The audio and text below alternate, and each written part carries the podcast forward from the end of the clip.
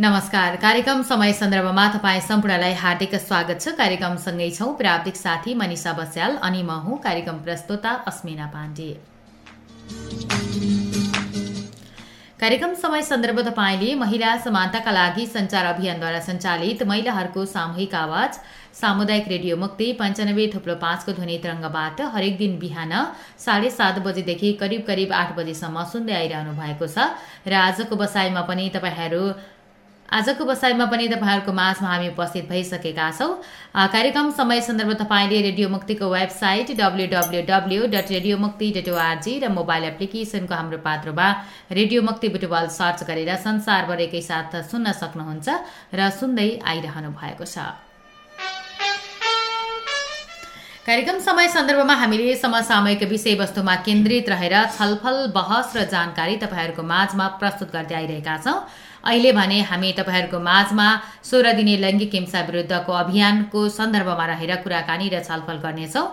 विगत केही दिनदेखि हामीले लैङ्गिक हिंसा मुक्त नगर बनाउने अभियानमा रहेको बुटोल उपमहानगरपालिकाले अगाडि सारेका योजनाहरू र यहाँ रहेका विभिन्न सङ्घ संस्थाहरू सरोकारवाला र घर परिवार समाजले पनि हिंसामुक्त समाजलाई कसरी अगाडि बढाउन सकिन्छ हिंसामुक्त समाज निर्माणका लागि कस कसको भूमिका के के हुन सक्छ भनेर हामीले नोभेम्बर पच्चिसदेखि नै तपाईँहरूको माझमा छलफल र बहस चलाइरहेका छौँ।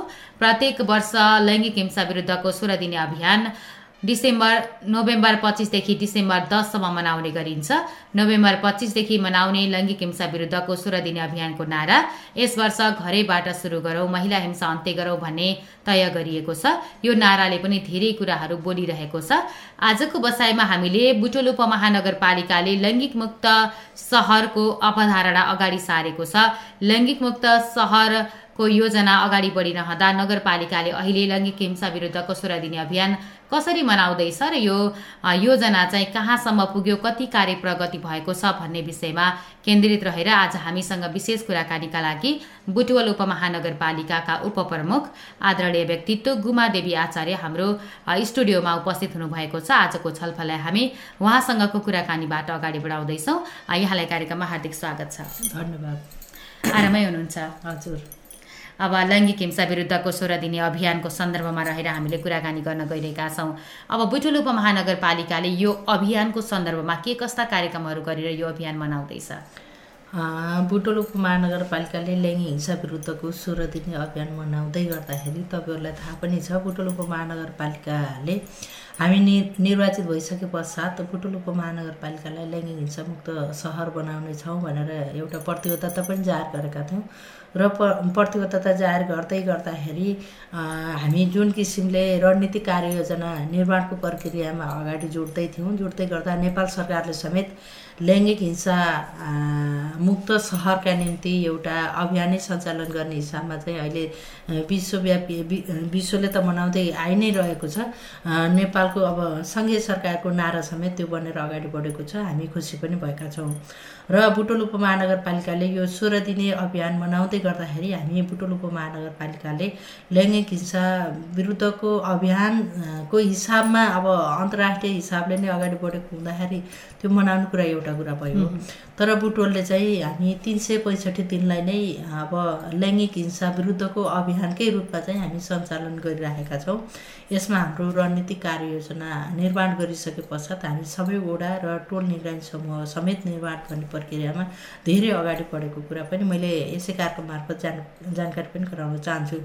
त्यो गर्दै गर्दा रह्यो यो सोह्र दिने अभियानलाई कसरी अगाडि बढाउनु भएको छ भन्ने कुरामा यो सोह्र दिने अभियानको हिस्सामा भन्दा पनि अब विश्वभर भएका लैङ्गिक हिंसा सम्बन्धी कस्ता किसिमका घटनाहरू घटे कहाँ घटे कस्ता कस्ता कस्ता प्रकृतिका घटनाहरू घटे भन्ने किसिमको यो अभियानको रूपमा एउटा एक वर्षभरिको समीक्षा पनि हो भन्ने म आफूले महसुस गरेको छु र हामीले केही दिन अगाडि मात्रै बुटोल महानगरपालिकाले हामी सबैभन्दा पहिला हाम्रो जुन बनाइएको रणनीतिक कार्ययोजना योजना थियो त्यो कार्ययोजनाभित्रै केन्द्रित रहेर हामी विभिन्न सरकारवालाहरूलाई बोलाएर हामीले एउटा बैठक पनि बस्यौँ छलफल पनि गऱ्यौँ र कार्ययोजनाभित्र रहेका कुन कुन कामहरू हामी सम्पादन गर्न सक्यौँ कुन कुन कुराहरू अगाडि बढ्यो भन्ने हिसाबले जुन अपेक्षित योजनाहरू थिए अपेक्षित योजनाअनुसार बनाइएका योजनाहरू हामी सबै कार्यान्वयन गर्न सक्यौँ भने बुटोल उपमहानगरपालिका लैङ्गिक हिंसामुक्त सहर बन्नेछ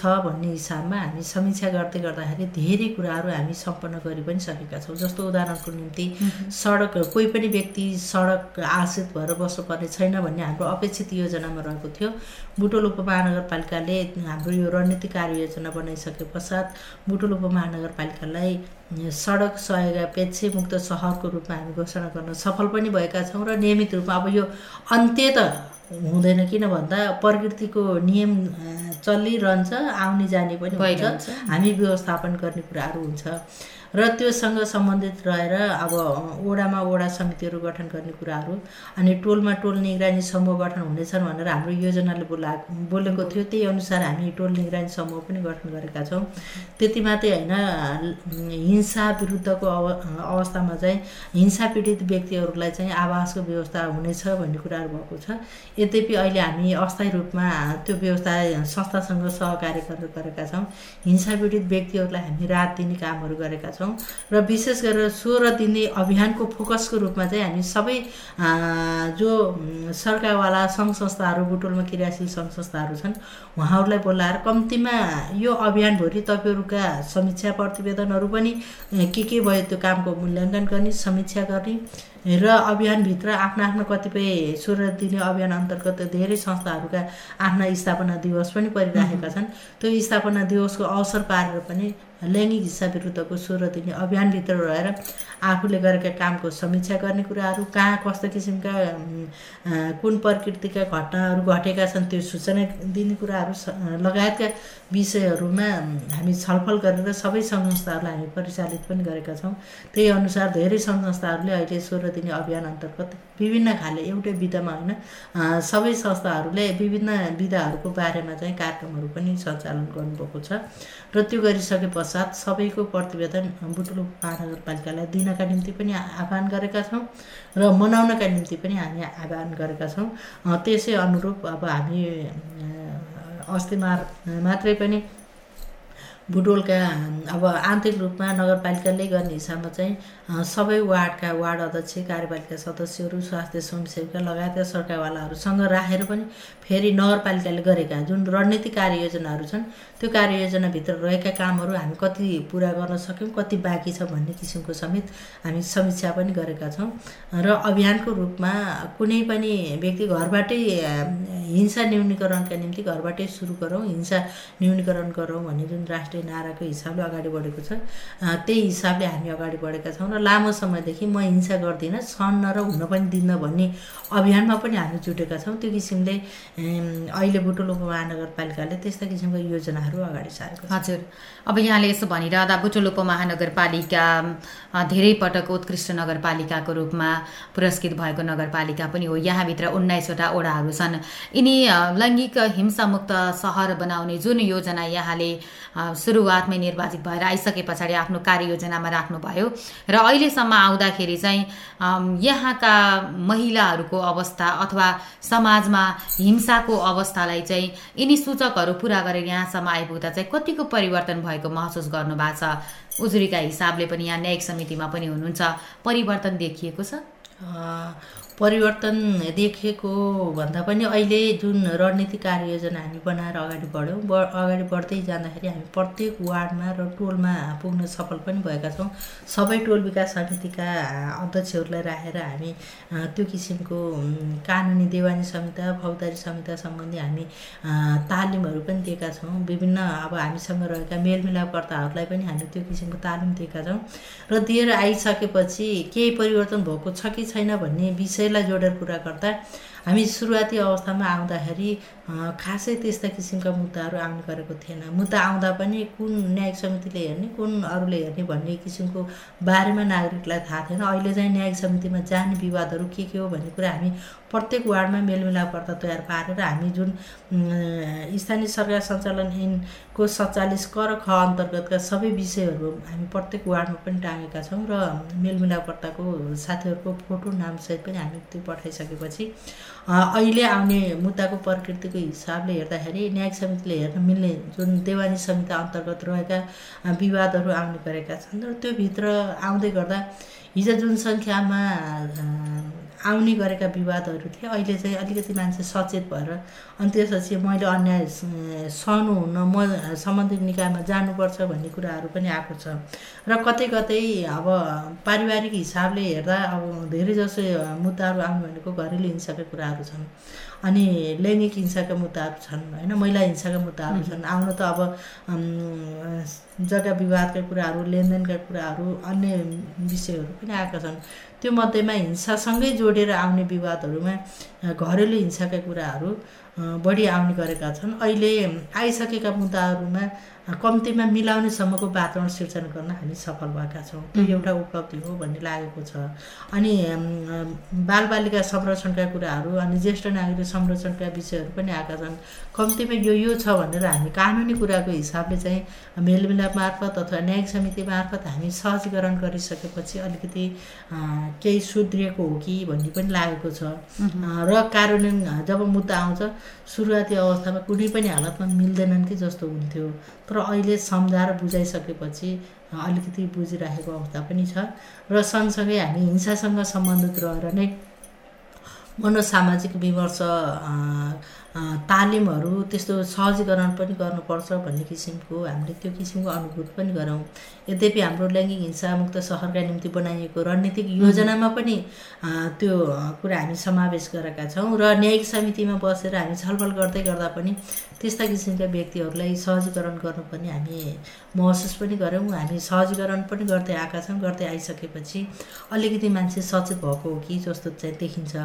तर समग्रताको हिसाबले हेर्दाखेरि अब न्यूनीकरण भयो कि भएन भन्ने कुरा अब पछिको परिणामले बताउनेछ तर हिंसाको स्वरूपको हिसाबले हेर्दा हिजोको हिंसा हिजो हाम्रा आमाहरूले भोग्नु परेको हिंसा अथवा बुवाहरूले भोग्नु परेको हिंसा र अहिले हामी अथवा हाम्रा छोराछोरीको पिँढीसम्म जाँदाखेरिको हिंसाको स्वरूप चाहिँ फेरिएर आएको छ। यसलाई यो अलिकति चुनौतीको विषयको रूपमा रहेको छ। अब यसमा एउटा पालिका मात्रै लागेर होइन नगरपालिकाका जनप्रतिनिधि मात्रै लागेर न्यूनीकरण गर्न सकिन्छ यो समतामूलक समाज निर्माण गर्न सकिन्छ भन्ने अवस्था चाहिँ रहँदैन। यसमा सबै सरकारवालाहरू उत्तिकै चनाखो भएर त्यो अभियानको रूपमा जानुपर्ने हुन्छ। र स्वयं व्यक्ति पनि सचेत हुनुपर्ने कानुनका व्यवस्थाका बारेमा चाहिँ थाहा पाउनु कुराहरू र अलिकति मानवीय संवेदनशीलतामा जोडिनु पर्ने चाहिँ आवश्यकता मैले महसुस गरेँ हजुर। अब यहाँले यसो भनिरहँदाखेरि चाहिँ अब विभिन्न हिसाबले पनि एक किसिमले नागरिकहरू सचेत हुँदै जाँदाखेरि पनि मुद्दाहरू चाहिँ बढ्दै गए। जब हिंसा सहन हुँदैन भन्ने सचेतना पनि बढ्यो भनेर कुरा गर्दाखेरि चाहिँ नगरपालिकाले तिनी पालिकाहरूमा खटाएका निगरानी समूहहरू टोल विकास संस्थाहरू आमा समूहहरू बाल क्लबहरू थुप्रै अब सङ्घीय संरचनामा गइसके पछाडि स्थानीय तहले तल्लो लेभलबाट एक किसिमको संरचना चाहिँ साङ्गठनिक रूपमा तयार गरेको छ। अब तिनीहरूलाई चाहिँ सचेतनाका कार्यक्रमहरू चाहिँ नगरपालिकाले कतिको प्रवाह गर्ने गरेको छ कतिको आयोजना गर्ने गरेका छ अब चाहिँ हामीलाई यो खालको सचेतनाको आवश्यकता छ। अब चाहिँ यो खालको अहिले हेर्दाखेरि अलिकति साइबर क्राइम टाइपका तिनी दुर्घटनाहरू त्यस्ता हिंसाहरू बढेकोमा अवस्थामा चाहिँ के समस्याहरू लिएर आउनु भएको छ के मागहरू गरिरहनु भएको छ?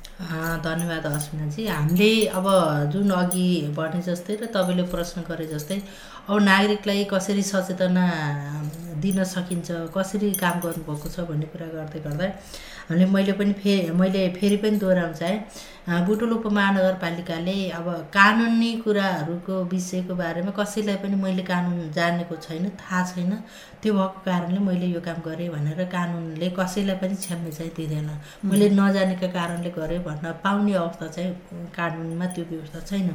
त्यो भएको कारणले गर्दा हामी जति पनि ऐन कानुनहरू बनाएका छौँ महिला अधिकारका कुराहरू गरेका छौँ आम नागरिकको अधिकारका कुराहरू गरेका छौँ त्यो कुरा गरेर भाषणमा एउटा व्यक्तिले बोल्दैमा त्यो नागरिक अधिकार पुरा हुन्छ भन्ने पक्षमा हामी छैनौँ। त्यो भएको कारणले गर्दा हरेक नागरिकले जब त्यो कानुनी कुराको बारेमा अलिकति प्रारम्भिक तहको बारेमा पनि थाहा पाउनुपर्छ अनि मात्रै नागरिक सचेत भयो भने विभिन्न किसिमका त्यस्ता किसिमका समस्याहरूलाई हामी समाधान गर्न सक्छौँ भन्ने मान्यता बुटुल उपमहानगरपालिकाले राखेको छ। त्यो भएकै कारणले गर्दा मैले फेरि पनि दोहोऱ्याउन चाहेँ टोल विकास समितिका अब सबै आम नागरिक सँग एकैचोटि जान सक्ने सम्भावना हुँदैन।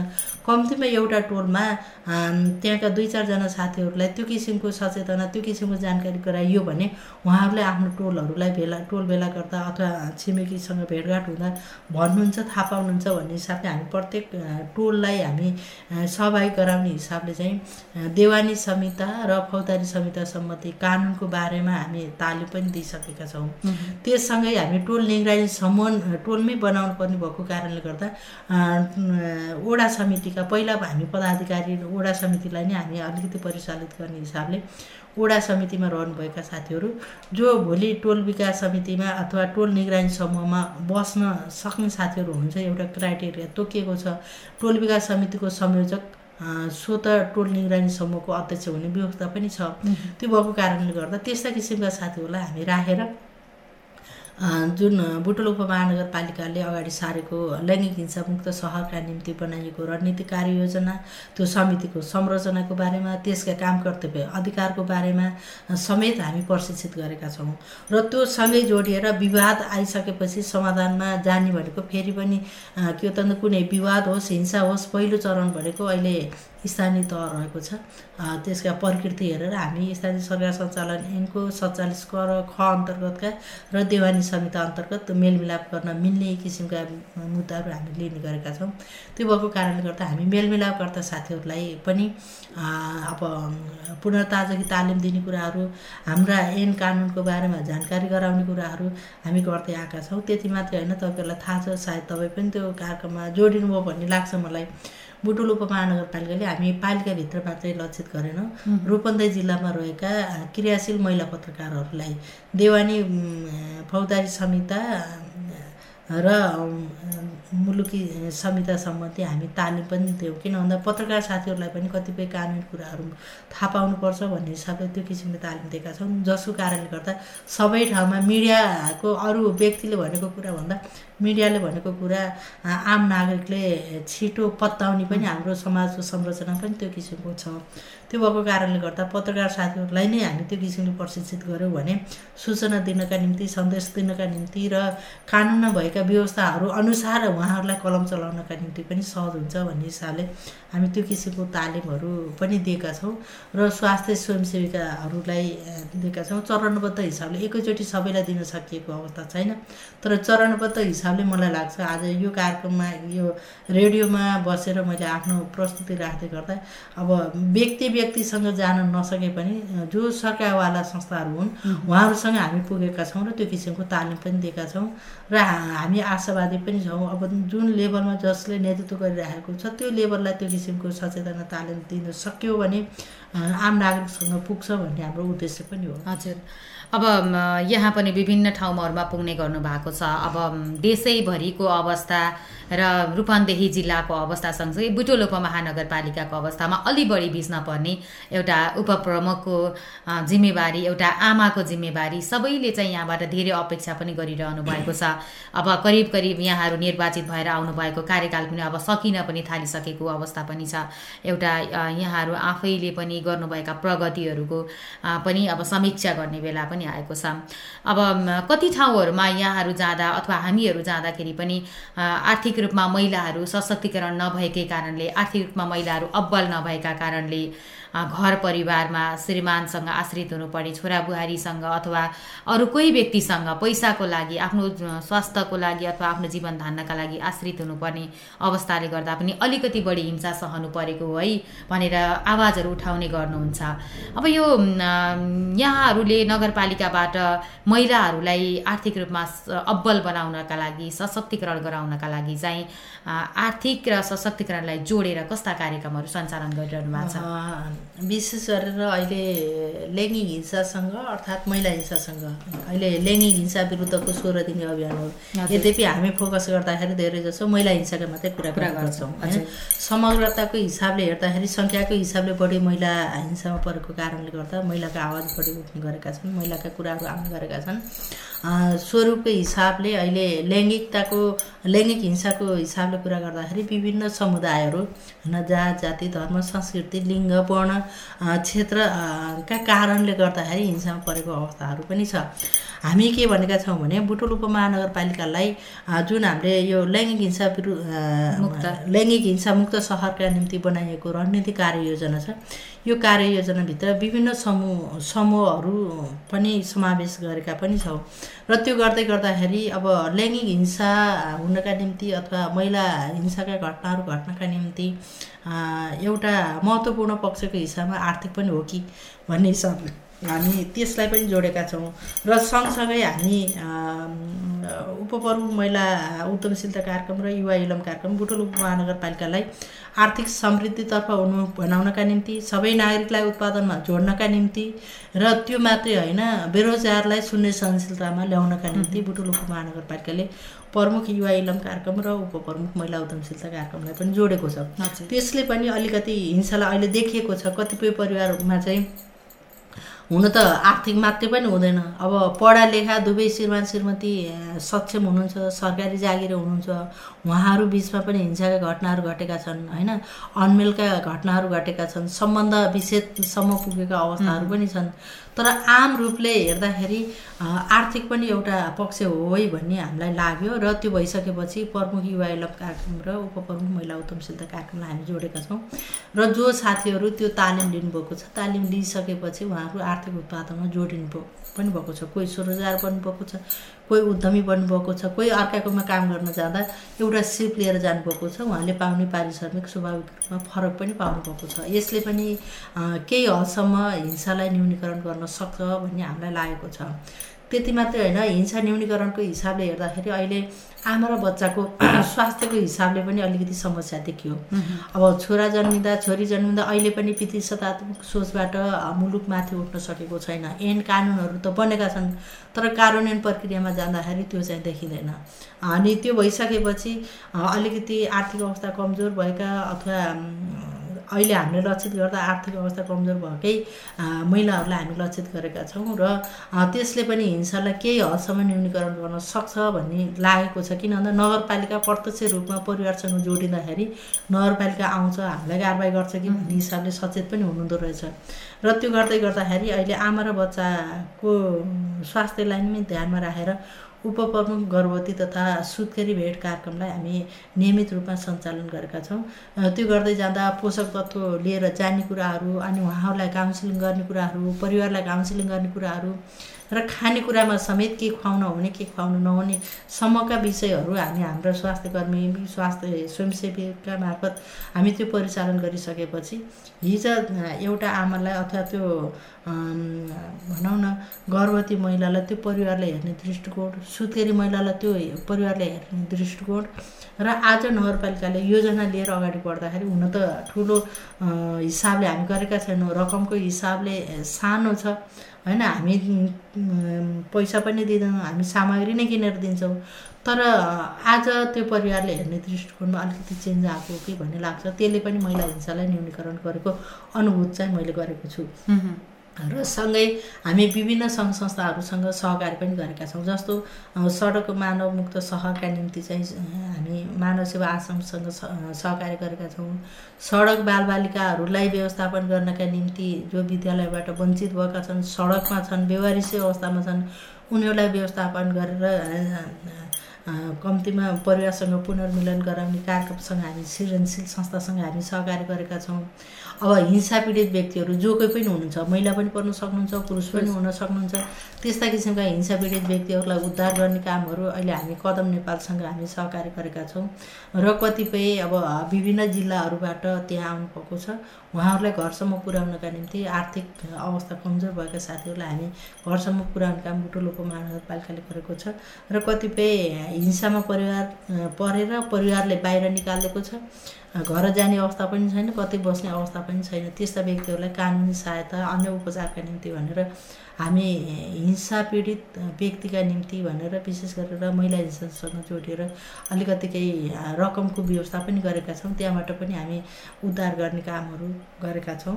र अब सुरुको अवस्थाभन्दा अलिकति अब न्यूनीकरण यसरी आउँदा जो अहिले बाहिर आउन थालेको छ यो एउटा न्यूनीकरणको आधार हो भन्ने मैले महसुस गरेको छु। हजुर।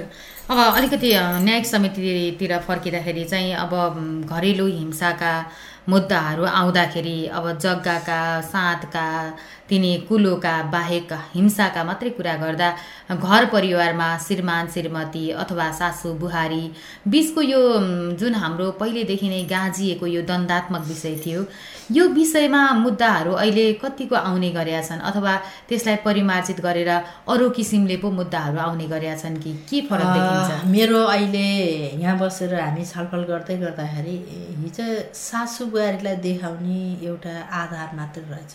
हजुर। वास्तवमा झगडा अथवा हिंसा भनेको फेरि पनि लैङ्गिकतासँगै जोडेर आउने हिंसा भनेको घरेलु हिंसा नै रहेछ। घरेलु हिंसासँग धेरै अहिले न्यायिक समितिमा आएकै मुद्दाको हिसाबले हेर्दाखेरि सासु बुहारीको सम्बन्ध बिग्रिएको कारणले गर्दा मुद्दा आयो भन्ने कुराहरू भन्दा पनि श्रीमान श्रीमतीसँगको सम्बन्धका कारणले गर्दा त्यो परिवारले हेला गर्ने अनि परिवारले चाहिँ अलि अपमान्य ढङ्गले व्यवहार गर्ने त्यस्ता किसिमका घटनाहरू बढी आएको मैले महसुस गरेँ। र त्यसमा कतिपय मुद्दाहरू अहिले आउँदाखेरि अब ठ्याक्कै अब भन्दाखेरि अप्ठ्यारो पनि होला। परपुरुष पर स्त्रीसँग अर्थात् पर स्त्री पर पुरुषसँग सम्बन्ध राखेको कारणले गर्दा धेरै जसो घरेलु हिंसा त्यो किसिमले घटेका अहिले नगरपालिकामा आउने मुद्दाहरू त्यो छ। र त्यो आइसकेपछि अब ठ्याक्कै फलानु हो भनेर भन्न सक्ने अवस्था पनि देखिँदैन। घर परिवारमा आउँदाखेरि त्यो श्रीमतीलाई छोराछोरीलाई गर्ने व्यवहार एकदमै चेन्ज भएर आएको छ। अनि छोराछोरीलाई अब उनका पालन पोषणका कुराहरू शिक्षा दीक्षाका कुराहरू स्वास्थ्य उपचारका कुराहरू लाउने खाने कुराहरू समेत त्यो एउटा बुवाले नतिएर अनि अर्काको गोठै स्याहार्न हिँड्ने प्रवृत्ति पनि चलेको छ। को कहाँ भन्ने कुराहरूमा चाहिँ अब कानुनले चाहिँ त्यो किसिमको व्यवस्था गरेको छैन। होइन? तर अहिले पछिल्लो समयमा आउने घटनाहरू त्यो किसिमको अत्यन्त काली लाग्दो हिसाबको घटनाहरू आउने गरेका छन्। त्यो भइसकेपछि अनि श्रीमतीको नागरिकता नबनाइदिने बिहा दर्ता नगरिदिने छोराछोरीहरूको जन्म दर्ता नगराइदिने अनि त्यसपछि आएर घरमा आउँदैन बाहिरै हिँडेको छ। अब कानुनले दोस्रो बिहा दण्डनीय पहिला पनि भनेको थियो। अहिले दोस्रो बिहा दर्ता गर्न नमिल्ने कुराहरू बिहा दर्ता गर्न नमिल्ने कुराहरू भएको छ। तर छोराछोरी जन्मिसकेपछि छोराछोरीलाई अंश लाग्ने भएको कारणले गर्दा त्यो दोस्रो हुन आउने जुन श्रीमती छन् उनलाई बिहा दर्ताको कुनै खाँचो नभए जस्तो देखिएको अवस्था पनि देखिन्छ। किन भन्दा श्रीमानको सबै कमाइ चाहिँ कान्छी श्रीमतीसँग छ। श्रीमानको सबै कमाइ चाहिँ कान्छी श्रीमतीको छोराछोरीलाई छ भने जेठी श्रीमती एक किसिमले पीडित अवस्थामा भएको अवस्थाहरू छ। अब यसलाई स्थानीय सरकारको पहुँचको कुरा क्षमताको कुरामा भन्दा सङ्घीय सरकार र जो अधिकारकर्मी साथीहरू हुनुहुन्छ उहाँहरूले अलिकति बसको रूपमा अगाडि बढाउनु पर्ने हो कि भन्ने चाहिँ देखिएको छ। हजुर। र त्यो गर्दै गर्दाखेरि अहिले साँच्चै नगरपालिकामा आउने मुद्दाको प्रकृतिको हिसाबले घरेलु हिंसाका कुराहरू आएको छ लैङ्गिक हिंसाका घटनाहरू आएको छ अनि ज्येष्ठ नागरिक पालन पोषणको कुरा आएको छ। ज्येष्ठ नागरिकभित्र पनि महिलाहरूका मुद्दा बढी आएको छ होइन अनि त्यसपछि आएर सम्बन्ध विच्छेद अब आशय चाहिँ सम्बन्ध विच्छेदको हुन्छ तर मार्न चामल भराइ पाऊँ भन्ने हिसाबले मुद्दा आएको छ। त्यति मात्रै होइन अत्यन्त पीडा कहाँ हुन्छ भने साठी पैँसठी वर्षका आमाहरूले चाहिँ मेरो श्रीमानले चाहिँ अर्को महिलासँग सम्बन्ध राख्यो मसँग सम्बन्ध विच्छेद माग्नुको भन्ने हिसाबले आउँछ। अलिकति बाहिर केही भनौँ कि भनेर भन्यो भनेदेखि अब मेरो बारेमा केही कुरा गरिछ भने मार्छु। भन्ने धम्की पनि आउँदो रहेछ। त्यस्तो किसिमले महिलाहरूले वास्तवमा भन्यो भने कहाँले लाग्दो अवस्थामा आफ्नो जीवनयापन गरिराखेको अवस्था अहिलेको न्याय समितिमा आउने मुद्दाको प्रकृतिले हामी त्यो महसुस चाहिँ गरेका छौँ।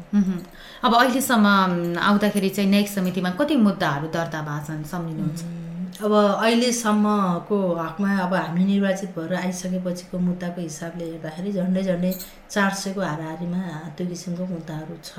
अब अहिले ठ्याक्कै यति नै भन्ने कुरामा चाहिँ मैले अब जोड घटाउने हुने भयो भन्न सकिनँ।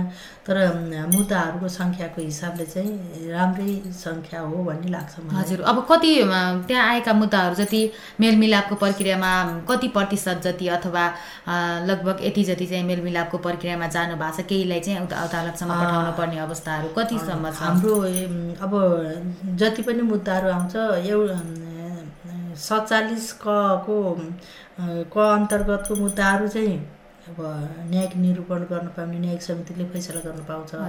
ख अन्तर्गतको मुद्दाहरू चाहिँ मेलमिलाप मात्रै गर्न पाउँछ। तर हामी अभ्यासमा के गरेका छौँ भने स्थानीय सरकार सञ्चालन ऐनको सत्तालिसको क अन्तरका विवादहरू पनि सकेसम्म हामी मेलमिलाप मार्फतै मिलाउने कोसिस गरेका छौँ। र मेलमिलापमा कुनै पनि हालतमा नमिल्ने अवस्था भइसकेपछि निर्णय नै गर्न पाउने क्षेत्रभित्र रहेका मुद्दाहरू हामी निर्णय पनि गरेका छौँ। र के के मुद्दाहरू अहिले अब मेरो भनौँ न छलफलमा मैले सम्झेअनुसार अहिलेसम्मकोमा हामी तिनवटा मुद्दा नगरपालिकामा आएका तिनवटा मुद्दाहरू जो आउँदाखेरि संरचनात्मक आदेशको हिसाबले आउनुभयो। मुद्दाको प्रकृतिको हिसाबले चाहिँ सम्बन्ध विच्छेदकै कुरा अंशवर्णकै विषयका कुराहरू र केही अन्य विषयहरू आइसकेपछि हामी अब हामीले गर्न नमिल्ने अब मेलमिलापमा मेलमिलापबाट हामी त्यो विवाद समाधान गर्न नसकिसकेपछि न्यायिक समितिले निरूपण गर्न नमिल्ने भएको कारणले गर्दा जिल्ला अदालत पनि पठाएका छौँ। र धेरै जसो मुद्दाहरू अहिले न्यायिक समितिमा हामीले हेर्न मिल्ने किसिमकै मुद्दाहरू लिन्छौँ। लिइसकेपछि न्यायिक समितिले निरूपण गरेको छ र अभ्यासको हिसाबले हामी धेरै जसो मेलमिलापबाट गर्छौँ र मेलमिलाप हुन नसकेका विवादहरू न्यायिक समितिले निर्णय गर्छ। सङ्ख्याको हिसाबले धेरै मुद्दाहरू हामी मेलमिलापबाटै अब कुराहरू धेरै छन् धेरै कामहरू बुटोल उपमहानगरपालिकाले अगाडि सारेको छ। त्यसमा पनि उपप्रमुखको नगरपालिकामा जिम्मेवारी धेरै किसिमका भूमिकाहरू चाहिँ यहाँहरूले निभाइरहनु भएको पनि छ। मुद्दाकै कुरा गर्दाखेरि चाहिँ छोटोमा तिनी मुद्दाहरू फेरि फर्किएर आउने एकपटक चाहिँ मेलमिलाप गरेर पठाइसकिने त्यसपछि त्यो मुद्दा फेरि अब म सकिनँ भनेर न्यायिक समितिमा फेरि आएर मिलान गर्नु परेको अथवा त्यसलाई चाहिँ समाधान गर्नु परेको त्यस्तो खालको घटनाहरू दोहोरिएका छन् कि छैनन्? अहिले अहिलेसम्म त्यस्तो किसिमको एकपटक मिलाएर पठाइसकेपछि फेरि मिलेन भनेर फेरि न्यायिक समितिमा आएको घटनाहरू छैन। भनेपछि यसलाई सकारात्मक रूपमा नै हेर्नु पर्दछ। अब हामी अन्त्यतिर पनि छौँ। अब यो समग्र लैङ्गिक हिंसा जति पनि महिला पुरुष बालबालिका ज्येष्ठ नागरिक अहिले यौनिक तथा लैङ्गिक अल्पसङ्ख्यकको क्षेत्रमा पनि नेपालमै नौलो काम नगरपालिकाले सम्बोधन गरेको छ भनेर लैङ्गिक अल्प अल्पसङ्ख्यक समुदायका अधिकार कर्मीहरूले नगरपालिकालाई सम्बोधन गरिरहनु भएको हुन्छ।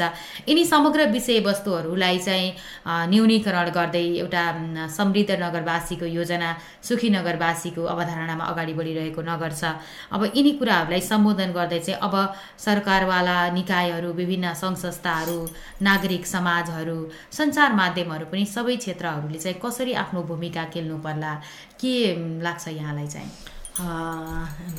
अन्तिम अन्तिममा पनि हामी पुगेका छौँ।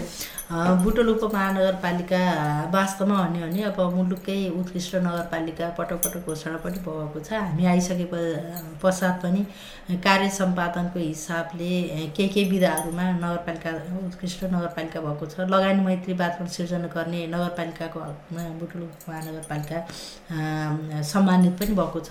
यी सबै विषयलाई जोडेर कुरा गर्दाखेरि वास्तवमा हाम्रो संविधानको स्पिड के हो त?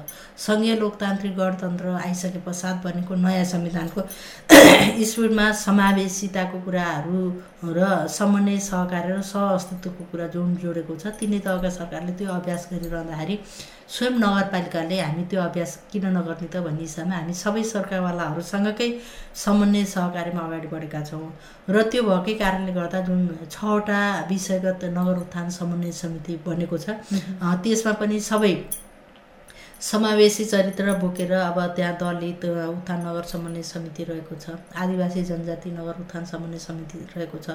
यौनिक अल्पसङ्ख्यक नगर उत्थान समन्वय समिति रहेको छ। अपाङ्गता समन्वय समिति नगर उत्थान समिति छ। महिला उत्थान नगर समन्वय समिति रहेको छ। अनि त्यसपछि मुस्लिम तथा अल्पसङ्ख्यक नगर उत्थान समन्वय समिति रहेको छ। ती छवटै समितिको संयोजकको भूमिका पनि म आफैले गरिराखेको छु। र त्यसमा सबै सरकारवालाहरू छ।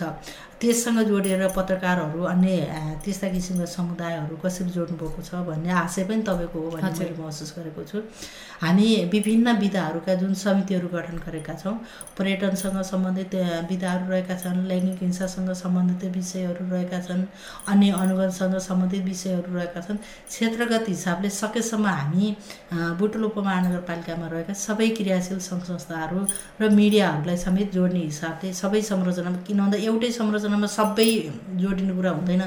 त्यो संरचनाको प्रकृतिको आधारमा अहिले जति कुरा तपाईँहरूले उठाउनु भएको छ ती सबै समुदाय सबै अब निकायहरू जोडिने हिसाबले हामी अभ्यासमा पनि गएका छौँ। त्यति मात्रै होइन ट्रेड युनियनहरूलाई समेत सम्बोधन गर्ने हिसाबले हामी ट्रेड युनियनका साथीहरूलाई समावेश गरेका छौँ यातायात क्षेत्रका साथीहरूलाई समावेश गरेका छौँ उद्योगी व्यवसायीहरू अनि राजनैतिक दलहरू सबैलाई सम्बोधन गर्ने हिसाबले हाम्रा विभिन्न किसिमका संरचनाहरू बनाएका छौँ र उहाँहरूको साथ सहयोग सल्लाहकै आधारमा हामी बजेट नीति कार्यक्रम सार्वजनिक गर्दा नगरसभामा जाँदा पनि हामी सबै सरकारवालाहरूको सल्लाहबाट नै हाम्रा योजनाहरू बन्ने गरेका छन् र त्यो किसिमले अगाडि बढेकै कारणले होला बुटोल अहिले पनि उत्कृष्ट नगरपालिका बनेको छ।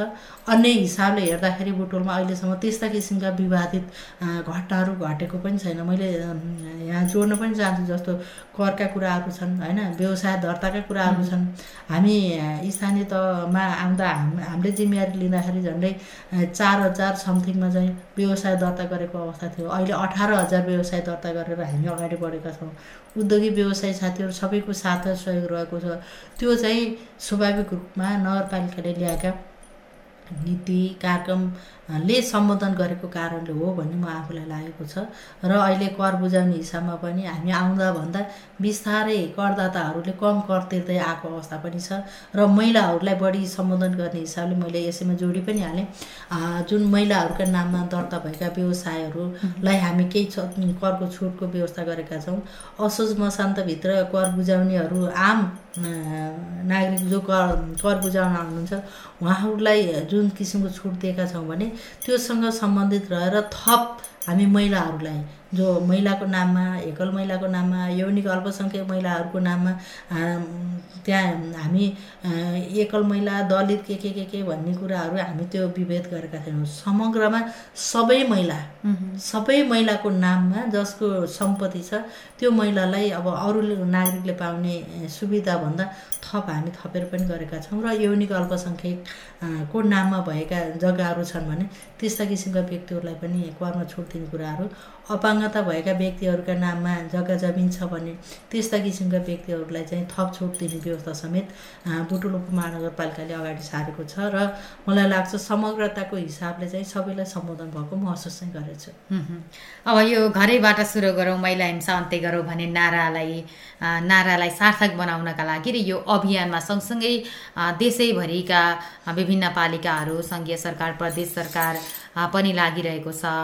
यो दिवसको सन्दर्भमा रहेर चाहिँ घर परिवार समाजले हिंसामुक्त घर हिंसामुक्त समाज निर्माणका लागि चाहिँ कस्तो खालको पहल गरिदिनु पर्ला कस्तो खालको सम्मान कस्तो खालको अवसरहरू सिर्जना गरिदिनु पर्ला। यसमा अब घरैबाट सुरु गरौँ महिला हिंसा अन्त्य गरौँ भन्ने जुन अहिलेको राष्ट्रिय नारा बनेको छ त्यो नारासँग जोडेर कुरा गर्दा स्थानीय तहले गर्नुपर्ने जुन किसिमको योजना छ लैङ्गिक हिंसामुक्त सहरका निम्ति बनाइएको जुन रणनीतिक योजना छ त्यो योजनाको बारेमा हरेक परिवारले हरेक नागरिकले त्यो बारेमा थाहा पाउनु पऱ्यो र कम्तीमा अहिले परिवारभित्र पनि मानवीय संवेदनशीलता हराएको हो कि जस्तो अवस्था चाहिँ देखिएको छ। कम्तीमा आफूले जन्माएका छोराछोरी आफ्नो श्रीमान अथवा आफ्नो श्रीमती अथवा आफ्नो बुवा आमाप्रति हेर्ने मानवीय संवेदनशीलतालाई अलिकति सबै नागरिकले बुझ्न जरुरी रहेको छ। र यसमा कसैले भनिदिएर गरिदिएर भन्दा पनि स्वयं नागरिक कसरी सचेत हुने र आफूलाई चाहिँ घर परिवारमा व्यवस्थापन कसरी गर्ने भन्ने विषयको बारेमा घर परिवारको सामूहिक सल्लाह सामूहिक अपनत्व सामूहिक मर्यादा रह्यो भने हामी अब देशैभरि एउटा परिवारबाट समाज बन्छ समाजबाट चाहिँ टोल अथवा पालिका होइन जिल्ला हुँदै एउटा राष्ट्र निर्माण हुने भएको कारणले गर्दा मैले सबै आम नागरिकलाई के अनुरोध गर्न चाहन्छु भने सबैभन्दा पहिला म र मेरो परिवार सुखी बनाऊ भन्ने अभियानमा हामी लाग्यौँ भने त्यो हिसाबमा म मेरो परिवारसँग रमाउँछु भन्ने हिसाबमा हामी अभियानमा लाग्यौँ भने एउटा कुनै पनि परिवारमा त्यो किसिमको समस्या देखिएन भने त समाजमा देखिँदै देखिँदैन। त्यो भएको कारणले गर्दा पहिलो भनिन्छ विद्यालय पढ्न जाने विद्यार्थीहरूका निम्ति पनि पहिलो पाठशाला भनेको विद्या घर।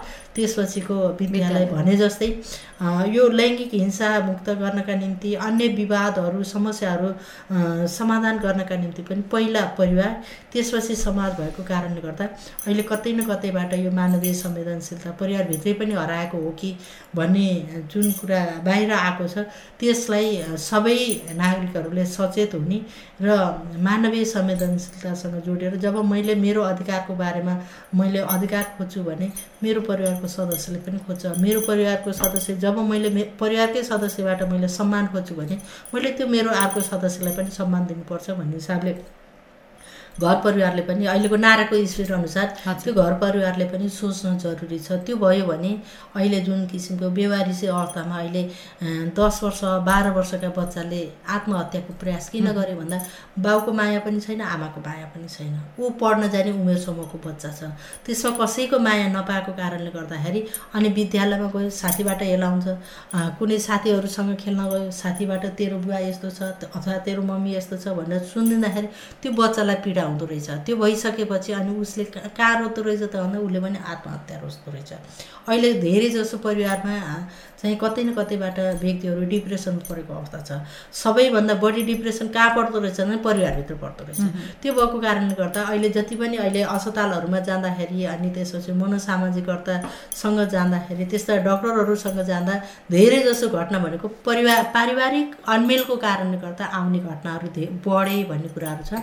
यसमा सबै नागरिक हरेक घर परिवारमा सचेत हुनु जरुरी छ र घर परिवारमा पनि एकले अर्कालाई कामकै दौरानमा पनि सहयोग गर्ने वातावरण भयो भने मान्छे व्यवस्थापन गर्न सहज हुँदो रहेछ। मैले यिनै कुराहरू जोड दिन चाहेँ र मेन भनेको कानुनमा मेरो अधिकारको बारेमा कानुनमा के व्यवस्था छ भन्ने कुरा स्वयं व्यक्तिले थाहा पाउनुपर्ने कुरा। स्वयं व्यक्तिलाई अब यस्ता किसिमका सचेतनामूलक कार्यक्रमहरूमा चाहिँ अब सरकारवालाहरूले पनि त्यो अभियान सञ्चालन गर्नुपर्ने कुरा। र अन्य व्यवस्थापनका कुरामा समस्या व्यवस्थापन गर्ने कुराहरूमा म आफूले स्वयं सकिनँ भने म साथीको सहयोग लिएर हुन्छ अथवा कानुनको सहयोग लिएर हुन्छ। तनावमा जानुभन्दा त्यो तनावलाई व्यवस्थापन गर्नका निम्ति सम्बन्धित व्यक्तिले पनि त्यस्ता किसिमका निकाहरू खोज्न र कानुनी ढोकाहरू ढकढकाउन सबै कानुनका सबै ढोकाहरू खुल्ला छन् त्यहाँसम्म पुग्नका निम्ति सबै नागरिकहरू सचेत हुन जरुरी छ भन्ने लाग्छ मलाई। हस् हामी कार्यक्रमको अन्त्यमा छौँ। यहाँको समय र संवादका लागि यहाँलाई मेरो तर्फबाट रेडियो मुक्ति परिवारको तर्फबाट धेरै धेरै धन्यवाद छ। मलाई पनि यो रेडियो मुक्ति पन्चानब्बे थोप्लो पाँचमा बोलाएर आफ्नो बनाइराख्ने जुन अवसर प्रदान गर्नुभयो यसका निम्ति रेडियो मुक्ति पन्चानब्बे थोप्लो पाँच र मसँग छलफलमा रहनुभएको अस्मिता पाण्डेलाई पनि मैले हार्दिक धन्यवाद दिन चाहन्छु। हस् यहाँलाई धेरै धेरै धन्यवाद।